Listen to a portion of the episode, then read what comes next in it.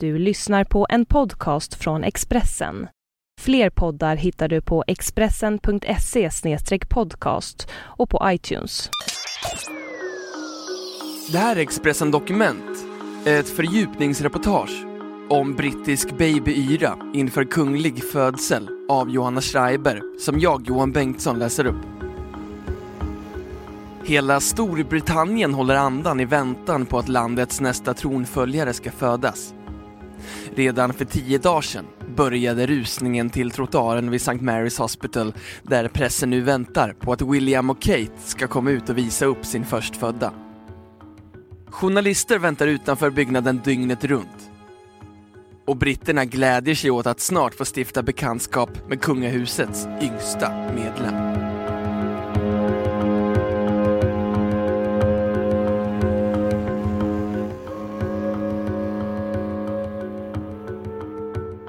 Det började redan den 1 juli. Då skyndade sig medier från hela världen till trottoaren mittemot The Lindo Wing, den privata förlossningsavdelningen på St. Mary's Hospital, ett stenkast från Paddington Station i London. Stephen Padwick, som är videojournalist på den internationella nyhetsbyrån Associated Press, AP, var en av de allra första journalisterna på plats. Jag visste att det gällde att vara här tidigt för att få den bästa platsen. Jag var här väldigt tidigt på morgonen den första juli, säger han. Steve Padwick visar hur han kommer ha fri sikt från sin plats längst fram vid avspärrningarna och kommer att kunna rikta sin kamera rakt emot ingången till Lindo Wings entré.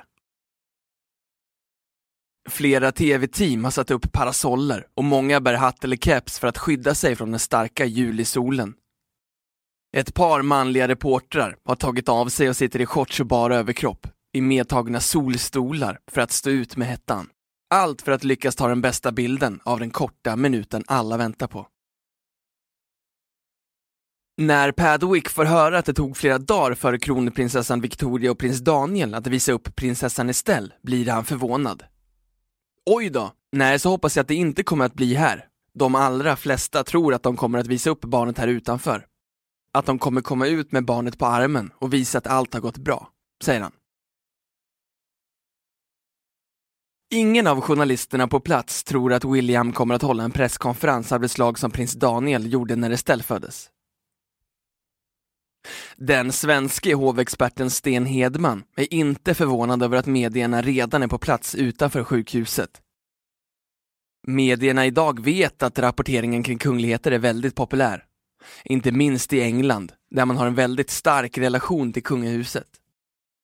Dessutom sker det här mitt i juli, då det traditionellt sett brukar vara ont om bra nyheter, säger Sten Hedman.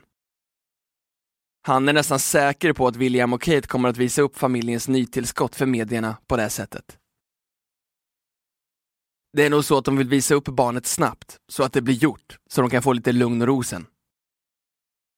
Idag har Steve Padwick, förutom sin kollega Paddy Scott, även sällskap av bland andra John Brotherton, som är videoreporter på den brittiska tv-kanalen BBC.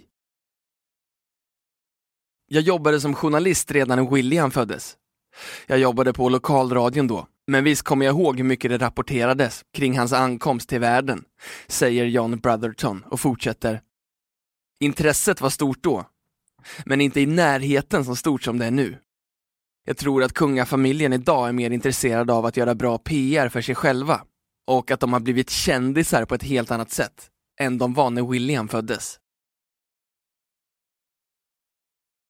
När det kommande barnets farfar, prins Charles, föddes år 1948 var det dock ingen lyxavdelning på sjukhuset som gällde för drottningen.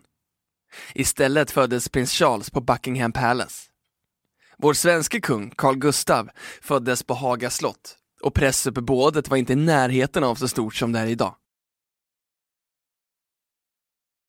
På marken är kamerastativen utställda i upptejpade rutor med tv-kanalernas och tidningarnas logotyper på. När det väl är dags har man rätt till den plats man har tejpat upp. De allra bästa platserna har gått till de tidningar och kanaler som var snabbast på att söka tillstånd hos hovet. Resten får stå bakom ett kravallstaket bredvid. Närmare 30 kamerastativ står uppställda i fotoområdet. och ännu fler stegar, omkring 50 stycken, som stillbildsfotograferna ska använda att stå på. Sten Hedeman förklarar att intresset från medierna kommer att vara ofantligt mycket större än då prinsessan Estelle föddes i Sverige. William och Kate är oerhört populära i England. Man skulle kunna likställa deras popularitet med kronprinsessan Victorias och prins Daniels. Men i ett land som är väldigt mycket större än Sverige. Det är självklart att uppmärksamheten blir större där än när prinsessan Estelle föddes, säger han. Det äldre paret Anne och Bob Westwood passerar förbi Lindowing och får syn på pressuppbådet. De ser fram emot att få veta mer om landets nya tronföljare, som kommer att stå på tredje plats i turordningen efter prins Charles och prins William. Jag hoppas att barnet får vara lite grann i lugn och ro efter det här. Jag är säker på att det kommer få en fin uppväxt med sina föräldrar, säger Anne Westwood. Hennes make Bob hoppas på att det blir en ny kung av England som föds. Ja, jag hoppas att det blir en liten pojke. En pojke som kan bli kung av England en dag. Och jag hoppas att prins Charles överlåter tronen till William, så att jag får vara med och uppleva när William sen överlåter tronen till sin son, säger han.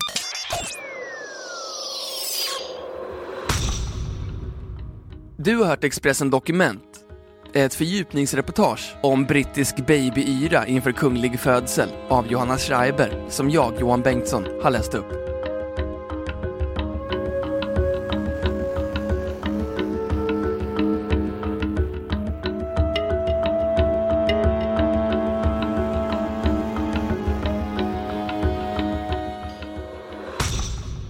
Du har lyssnat på en podcast från Expressen. Ansvarig utgivare är Thomas Mattsson. Fler poddar finns på Expressen.se och på iTunes. Ett poddtips från Podplay.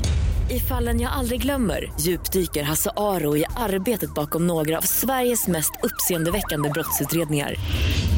Går vi in med hemlig telefonavlyssning och, och då upplever vi att vi får en total förändring av hans beteende. Vad är det som händer nu? Vem är det som läcker? Och så säger han att jag är kriminell, jag har varit kriminell i hela mitt liv men att mörda ett barn, där går min gräns.